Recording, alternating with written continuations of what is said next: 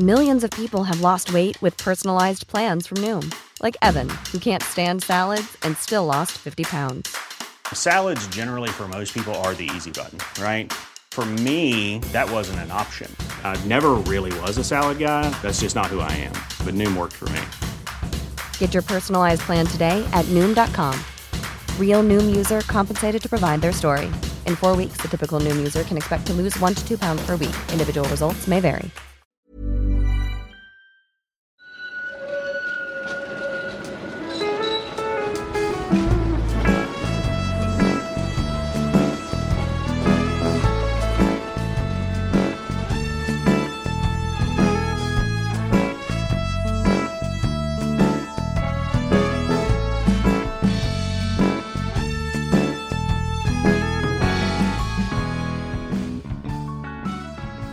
Hej och välkomna till eh, Gator och torg i Göteborg. Tidningen Göteborg Direkts podd som gör tillsammans med läraren och historieexperten Mattias Axelsson som också skriver krönikor i tidningen. Och eh, i det här avsnittet så är jag, Lina Isaksson, med eh, som är reporter på tidningen och idag så är vi här vid eh, Göta älvbron. Ja, vi sitter där vid Göta älvbrons södra brofäste i eh, Läppstiftet, som väl är ett, ett av de mest bekanta landmärkena för en göteborgare tror jag. Ja, Göta älvbron den är, börjar ju faktiskt kännas lite skranglig nu tycker jag allt när jag åker över den. Men den har ju några år på nacken också. Den invigdes ju redan 1939. Och, eh, innan dess så kanske Göteborg och Hisingen inte hängde ihop Nej, så bra. jag tänker så här att ska man prata om Göta älvbron och broförbindelser så måste man ju någonstans börja med hissingen och varför ska man överhuvudtaget ta sig till hissingen och vad, vad är hissingen för någonting? Eh, och hissingen det är ju den fjärde eller den femte största ön, lite beroende på hur man räknar. Eh, det är ju Gotland, Öland. Eh, sen finns ju Södertörn som någon ny bubblare på listan när SCB har definierat dem. Men jag räknar, i mitt huvud så är Hisingen fortfarande Sveriges fjärde största ö. Och den har ju funnits här länge. Men stora delar av hissingen har ju inte varit svenskt mer än sedan mitten på 1600-talet. De delar som tillhör Lundby och Tuve, alltså det, man kan tänka sig att det är som två tungor som går upp på hissingen. En lite längre tunga österut och sen en lite kortare tunga västerut som är Lundby och sen Lundby och Tuve däröver. Det har varit svenskt sedan 1200-talet. Men eh, det är först i och med freden i Roskilde 1658 som hela hissingen och hela Bohuslän blir en del av Sverige. Tidigare så var det ju mer av ett gränslandskap. Eh, eller det var mer av en ö där det var en gräns mellan Sverige och Norge. Och sen ska man också komma ihåg att hissingen har ju inte varit Göteborg särskilt länge. Man tänker ju idag de flesta i alla fall, att hissingen är en del av Göteborg, för det är det ju. Även om Häckens supporterförening Getingarna brukar skandera hissingen inte Göteborg, så är det ju en del av Göteborg. Men det är först egentligen under 1900-talet som de olika socknarna på hissingen har inkorporerats i Göteborgs stad och sen Göteborgs kommun. De första delarna av hissingen blir ju en del av Göteborg i slutet på 1800-talet. Man köper en, eller tar en bit av Sannegårdshamnen och gör det till Göteborg i slutet på 1800-talet. Sen blir Tingstadsvassen 1883 en del av Göteborg. Och sen så rullade det på under 1900-talet med Lundby 1906, Backa 1948. Man fattar beslut om det 1936, men då vill inte Backaborna att eh, man vill inte bli en del av Göteborg. Utan det är först 1948 som Backa blir en del av Göteborg. Sen blir Säve en del av Göteborg, Torslanda, Tuve blir del av Göteborg på 60-talet och den sista delen av hissingen som blir en del av Göteborg, det är ju Rödbo, allra längst norrut på hissingen i det som, alltså precis på gränsen till Kungälv kan man säga. Och sen mitten på 1970-talet så är hela hissingen en del av Göteborg. Men hur, ehm, hur tog man sig mellan hissingen och fastlandet innan Göta älvbron byggdes? Ja, alltså nu idag så finns det ju ganska många älvförbindelser. Jag satt och tittade på Google Maps och räknade till ett tiotal olika förbindelser över älven. Vi har ju Älvsborgsbron allra längst ut i hamnen och sen har vi Göta älvbron, vi har Marieholmstunneln, vi har Tingstadstunneln och uppe i Kungälv har vi ett antal broar. Men om man går tillbaks till, ja men säg 1600-talet, om vi börjar någonstans, vår resa där, vilket jag ju har en tendens att göra, även om vi pratar om Hammarkullen, så hamnar jag gärna på 1600-talet. Men då var det ju bönder, hissingsbönder, som ville ta sig över från hissingen in till Göteborg. För någonstans så har ju hissingen historiskt varit Göteborgs kornbod eller Göteborgs handelsträdgård. Det var här ute det fanns bönder som kunde odla saker som potatis, palsternackor, morot, vitkål. Sånt som vi idag naturligt går till ICA eller Hemköp och handlar och som gärna importeras från Spanien. Det odlade man ute på hissingen och bönderna på hissingen de ville ta sig över älven för att komma in till Göteborg för här fanns ju marknaderna först på grönsakstorget, men när grönsakstorget blev för litet, då flyttade man till till exempel Masthuggstorget och hade försäljning där. Och från början så tog man sig över med färjor på olika sätt. Och de tidigaste färjorna det var ju roddfärjor. Man rodde över. Och redan 1632 så finns det en färjeförbindelse mellan Färjenäs, alltså längst ut i, eh, i hamnen, ungefär där Älvsborgsbrons norra brofäste ligger i Färjenäs. Eh, där kunde man ta sig med roddfärja över till Klippan. Eh, och då var det norska bönder, för det är ju innan den här delen av hissingen blir svensk. Då var det norska bönder som fick privilegier att ordna färjetrafik över älven för att kunna sälja sina jordbruksprodukter på de eh, göteborgska marknaderna. Och ute i Färjenäs för övrigt, det var ju där Karl IX grundade det första Göteborg. Alltså det som är Göteborg innan Göteborg här inne grundas. Och Karl IX är ju han som står staty vid Kungsportsplatsen på den statyn som kallas för Kopparmära. Eh, Karl IX, Gustav Adolfs, Gustav II Adolfs pappa. Gustav II Adolf är den som sen grundar Göteborg. Så fram till 1800-talet då var det med olika typer av färjor som man tog sig över. Till att börja med så var det roddfärjor och sen så blev det ångfärjor av olika slag. Det finns broar längre upp i älven. Det finns något exempel på en bro upp mot Kungälv som är tidigare än de första älvförbindelserna här i Göteborg. Men eh, först 1874 så bygger man ju den första fasta älvförbindelsen över Göta älv från Hisingen till fastlands-Göteborg. Mm, var? Här vi sitter nu också? Nej, det är lite, vad blir det, västerut, alltså lite längre ut i mm. Göta älv från, eh, från Göta älvbron. Vi sitter ju vid läppstiftet som sagt. Och den bron som heter, eller hette Hisingsbron, den finns ju inte kvar nu sen, jag tror den revs 1968, någonting sånt där. Eh, den bron gick från om du tänker dig där lilla bommen är, alltså inte jättelångt, typ ett stenkast härifrån har man mm. kastat stenen ganska långt. Eller typ där operan ligger, kanske de flesta vet var Göteborgsoperan ligger. Jag vet inte om du ser Göteborgsoperan därifrån du sitter? Nej, det är inte... precis på gränsen, det är någon byggnad ja. och någon båt som täcker. Men om du kastar stenen ganska långt så kommer du till Göteborgsoperan och därifrån gick eh, eh, bron över till andra sidan, alltså ganska rakt över och då kommer vi väl ungefär till där Frihamnen eh, är just nu. Men varför byggde man då en bro? Ja, från början så ville man ju ta sig över älven från Hisingssidan in till fastlandet för att man ville sälja grönsaker och jordbruksprodukter och liknande. Sen under 1800-talet så förändras ju det svenska samhället ganska snabbt. Vi får en begynnande industrialisering. Det börjar byggas industrier på Hisingssidan. Det börjar byggas industrier här på fastlandssidan också. Men vi har ju exempel som till exempel varven på Hisingssidan, Eriksbergs Mekaniska Verkstad. Vi har porslinsfabriken som byggs i slutet på 1800-talet.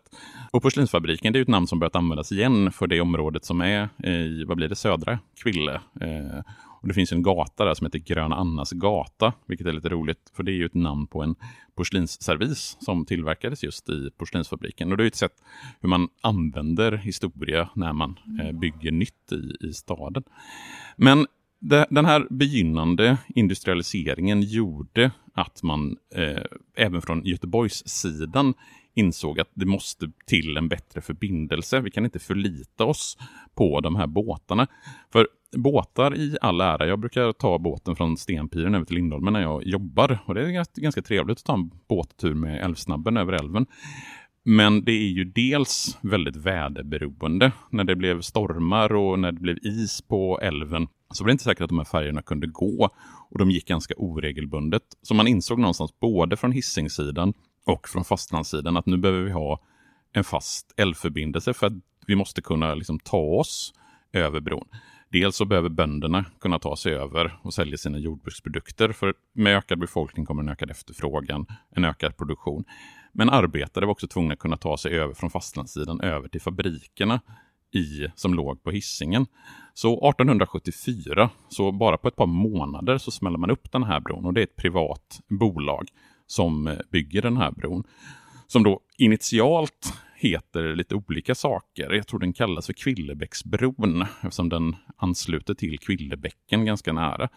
Utan det är först någon gång på 1910-talet som den definitivt får namnet Hisingsbron. Som ju är det officiella namnet fram tills att den rivs 1968.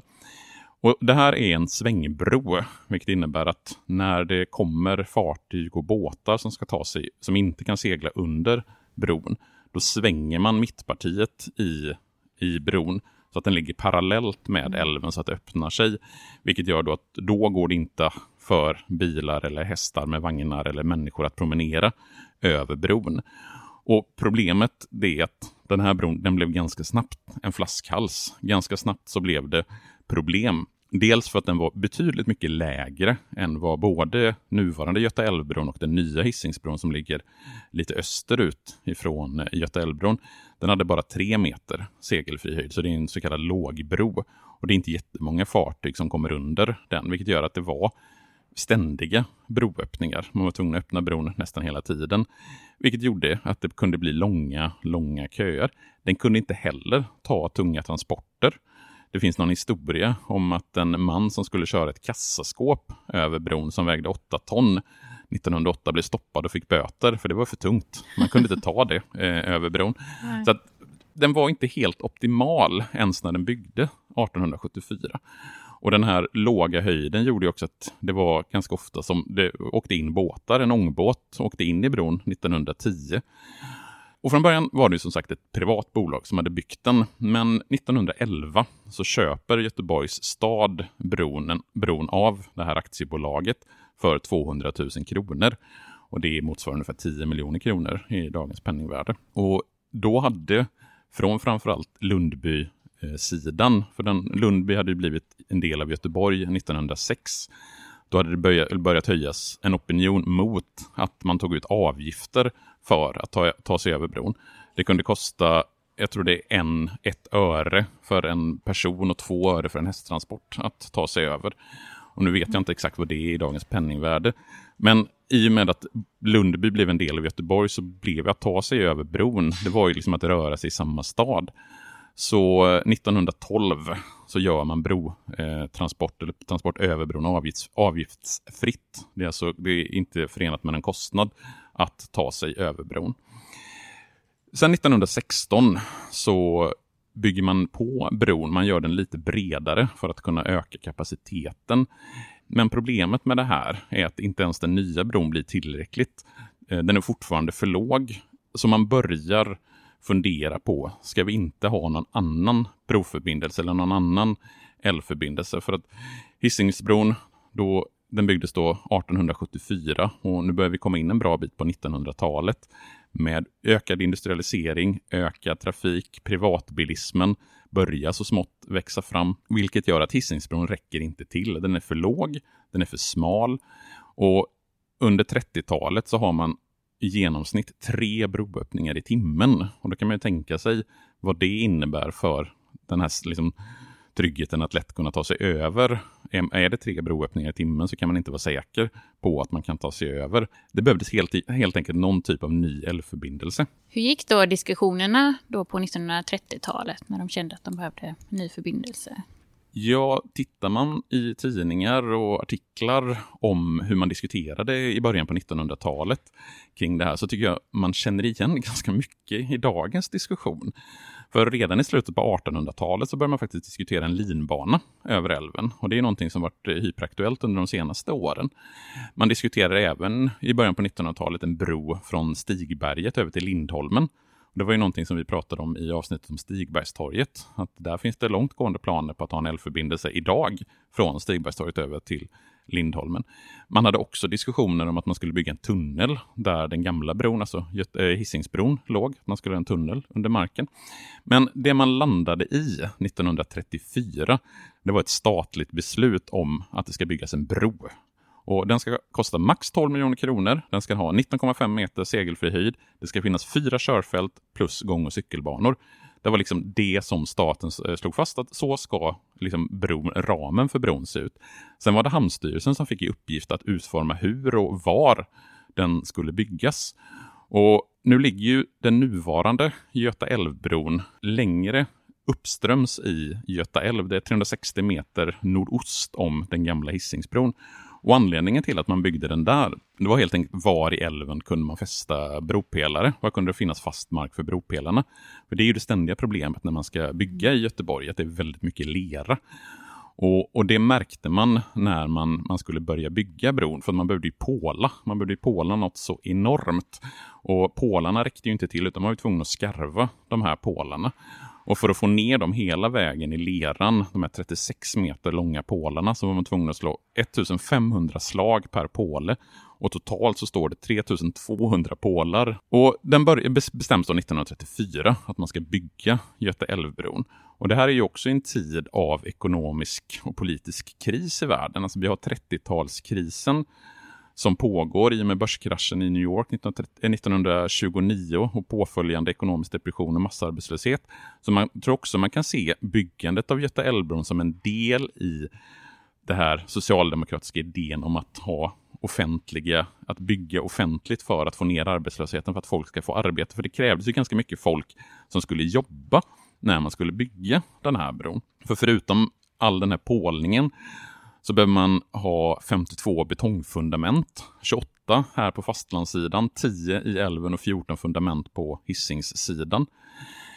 Sen en liten intressant detalj med Göta älvbron, för det här är också i en tid av politisk kris i världen. Nazisterna har tagit makten i Tyskland 1933, har invaderat eh, delar av Tjeckien, har, kommer snart att eh, ansluta Österrike till Nazityskland. I Italien så styr fascisten Mussolini. Så 1937, två år innan bron är färdig, så kommer det ett brev från den svenska regeringen om att bron ska eventuellt komma att sprängas i händelse av krig. Därför så beordras man att bygga minkammare i fundamenten till sex ut ute i älven. Det var helt enkelt för att man kunde ladda dem med minor för att på ett enkelt sätt kunna spränga bron om Sverige skulle bli attackerat. Och då ska man komma ihåg, bara tre år senare, 1940, så invaderar ju Nazityskland både Danmark och Norge. Tack och lov så undviker ju Sverige en nazitysk ockupation. Men 1949 i maj, alltså precis före dagen D, alltså den, de allierades landstigning i Normandie, så finns det rykten om att Göta älvbrons minkammare ska ha blivit laddade för att man eventuellt skulle förbereda för en sprängning. Och sen ska de här minkamrarna ha varit aktiva under hela kalla kriget och det är egentligen först efter Sovjetunionens fall som man har tagit bort dem och att de inte eh, används längre.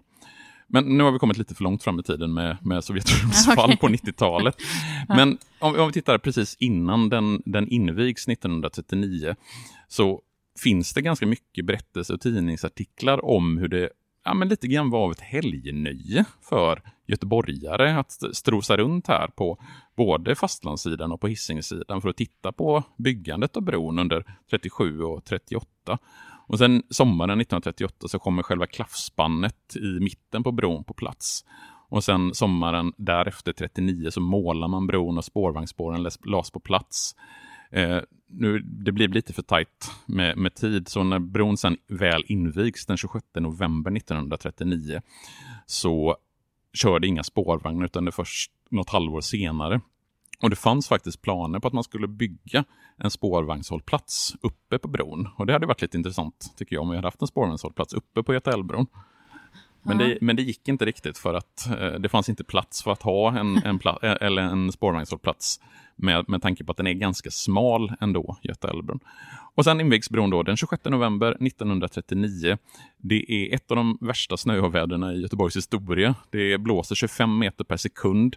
Det är snöoväder med stormbyar. Det finns ganska roliga filmklipp från den här invigningen på Youtube som vi kan länka till i poddbeskrivningen där man verkligen ser hur folk håller i sina hattar för att inte de ska blåsa av. Och man var tvungen att förkorta själva invigningen för att ja, men det var för, helt enkelt för blåsigt att stå där uppe på bron. Ja, men då har eh, göteborgarna och eh, hissingsborna, som de kanske kallar sig för på den tiden, fått sin bro. Hur använder de den nu då, framöver? det är ganska roligt att titta på just de första dagarna, för det är ju flera filer på bron. Det, blir, det är två filer på varje sida. Det är två filer för att ta sig över till Hisingssidan och två filer för att ta sig från Hisingssidan till fastlandssidan. Och dagen efter själva invigningen så skriver Göteborgstidningen att det där med filkörning, det är en kontinental sedvänja som Göteborgstrafikanterna inte är vuxna ännu, men det är då säkert läraktiga. Så direkt efter in invigningen så beslutar polisen om att det ska vara filkörning. För göteborgarna, de var vana vid att det var en fil, så de låg liksom i högerfilen, vilket gjorde att själva poängen med att ha två filer lite försvann. Och det tog ett tag innan Göteborgs biltrafikanter verkligen lärde sig hur man tar sig över bron i, med två filer. Och sen 1940, då, sommaren, ett halvår efter att den har invigts ungefär, så kommer spårvagnen på plats. Och den första spårvagnen som kör över bron, det var linje 10 som gick från Högsbogatan i Högsbo till Backavägen på Hissingen.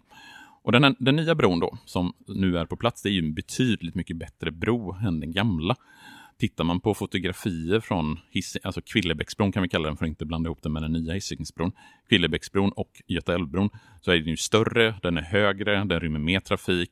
Det är helt enkelt en, en bro som är mer anpassad för liksom moderna förhållanden. Problemet är dock att den är inte riktigt anpassad för rekordåren som nu kommer efter andra världskriget. För utvecklingen av antalet registrerade bilar exploderar. 1945 så fanns det 5 800 registrerade bilar. 1965, alltså 20 år senare, så fanns det 91 600 registrerade bilar. Och Det här betyder ju att man måste öka kapaciteten för trafik över älven. Nu har man byggt en bro, men bron räcker ändå inte till. Och Det gör ju att man behöver ha fler älvförbindelser, vilket gör att därför bygger man Älvsborgsbron. Den invigs av Olof Palme 1966. Tingstadstunneln invigs två år senare, 1968. Och sen har vi också Angeredsbron eh, norrut i Göta älv 1978. Och i och med att man bygger fler älvförbindelser över älven så minskar ju också trafiken över Göta älvbron. För det finns andra alternativ för trafikanter att ta sig över. Man kan välja Tingstadstunneln, man kan välja Älvsborgsbron om man ska från fastlandet över till Hisingssidan. Och det här gör också att trafiken över Göta älvbron minskar. 1966, precis innan Älvsborgsbron invigs, så körde 83 000 bilar per dygn över Göta älvbron. Bara ett år senare, 1967, så är det nere i 70 000 bilar och 2013 så är det 20 000 bilar. Så det har varit en kontinuerlig minskning av trafiken över Göta älvbron. Och nu sjunger den liksom på sista versen. Mm. Men har den inte gjort det ganska länge? För jag vet att redan på 2006 så lossnade asfalten under en sopbil och det blev ett stort hål i cykelbanan. Och sen eh, under Metal Town tror jag det var, 2010 så hoppade publiken så mycket att eh, när den var på Bananpiren då, att hela gung, eh, bron sattes i gungning. Ja, så länge som jag har bott i Göteborg, jag flyttade hit i slutet på 90-talet, så känns det som att Göta älvbron lite grann har varit utdömd. För i slutet på 90-talet så hittade man brott i de bärande balkarna till bron och då gjorde man ett förstärkningsarbete som förlängde livslängden något. Men när man frågar runt, jag brukar alltid göra det inför våra poddavsnitt, eh, fråga folk så där, vad, vad tänker de när de tänker på Göta älvbron?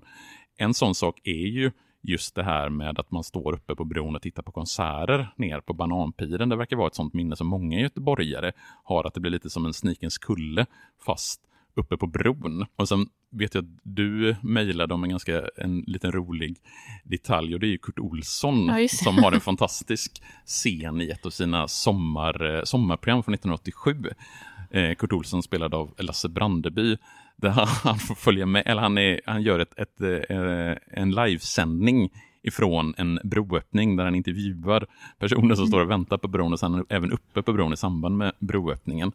Jag tänker att Daniel, du kan väl klippa in en liten del av det inslaget här. Vad är den längsta broöppning du har varit med om? Ja, det kan vara som 10-15 minuter. Du har parkerat ganska långt bak. Du vill inte vara så nära stupet eller? Nej, jag tänkte det skulle vara lite schysst mot han som åkte emellan där borta förut. Det var en som åkte emellan ja. Ja. Fantastiskt. Nu kommer bron snart att fällas ner här igen.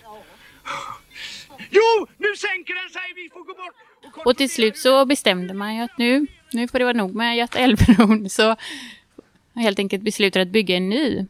Och det, den får ju samma namn då som den gamla bron. Mm. Det, Hisings. det är så en klassisk göteborgare att man döper Mm. gamla och nya Ullevi, att vi har gamla och nya Hisingsbron. Mm. Det är, och den ska väl invigas i år va? Ja, till våren eh, utlovas ju nu att för gångare och eh, biltrafik och sådär. Mm. Och Göta älvbron är väl stängd för biltrafik sedan december 2020. Så nu, så som jag har förstått, nu har inte jag tagit mig över Göta älvbron på väldigt länge. Men som jag fattat det så är det bara spårvagnstrafik och gång och cykeltrafik som tillåts på Göta älvbron. Och sen är väl tanken att den ska rivas successivt i och med att Hisingsbron, den nya Hisingsbron, invigs. Ja, precis. Det fanns ju planer, några som ville bevara den och, och eh, skapa en stadspark. Göra den grön och fin. Ja, det finns ganska fina bilder på det förslaget. Nu vet jag inte, jag är varken arkitekt eller trafikplanerare eller någonting, så jag vet inte hur realistiskt det förslaget var, men jag har sett på bilder från det här förslaget om att man skulle göra om Göta älvbron till en park istället. Och bilderna är ju väldigt fina. Och det skulle varit intressant om man hade gjort om det till en park med att ha kanske kaféer och träd och buskar och liknande på bron och så att det kunde bevaras som en gångbro. Men det vill inte politikerna utan istället så har man beslutat att Göta älvbron som då invigdes 1939 ska rivas med början ganska snart. Ja, så det är sista chansen nu om eh, ni vill ta en titt på Göta älvbron. Så passa på att göra som göteborgarna gjorde 37-38. Ta och gör det som ett helgnöje, gå ut och titta på bron och promenera över. Ja, då tackar vi för oss för den här gången så hörs vi om två veckor igen. Hej då! Hej!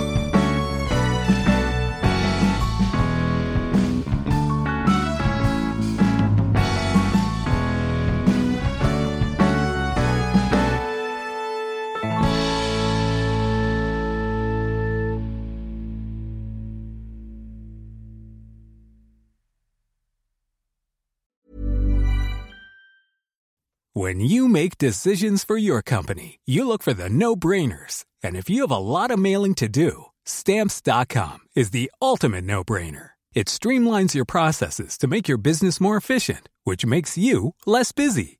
Mail checks, invoices, legal documents, and everything you need to keep your business running with stamps.com.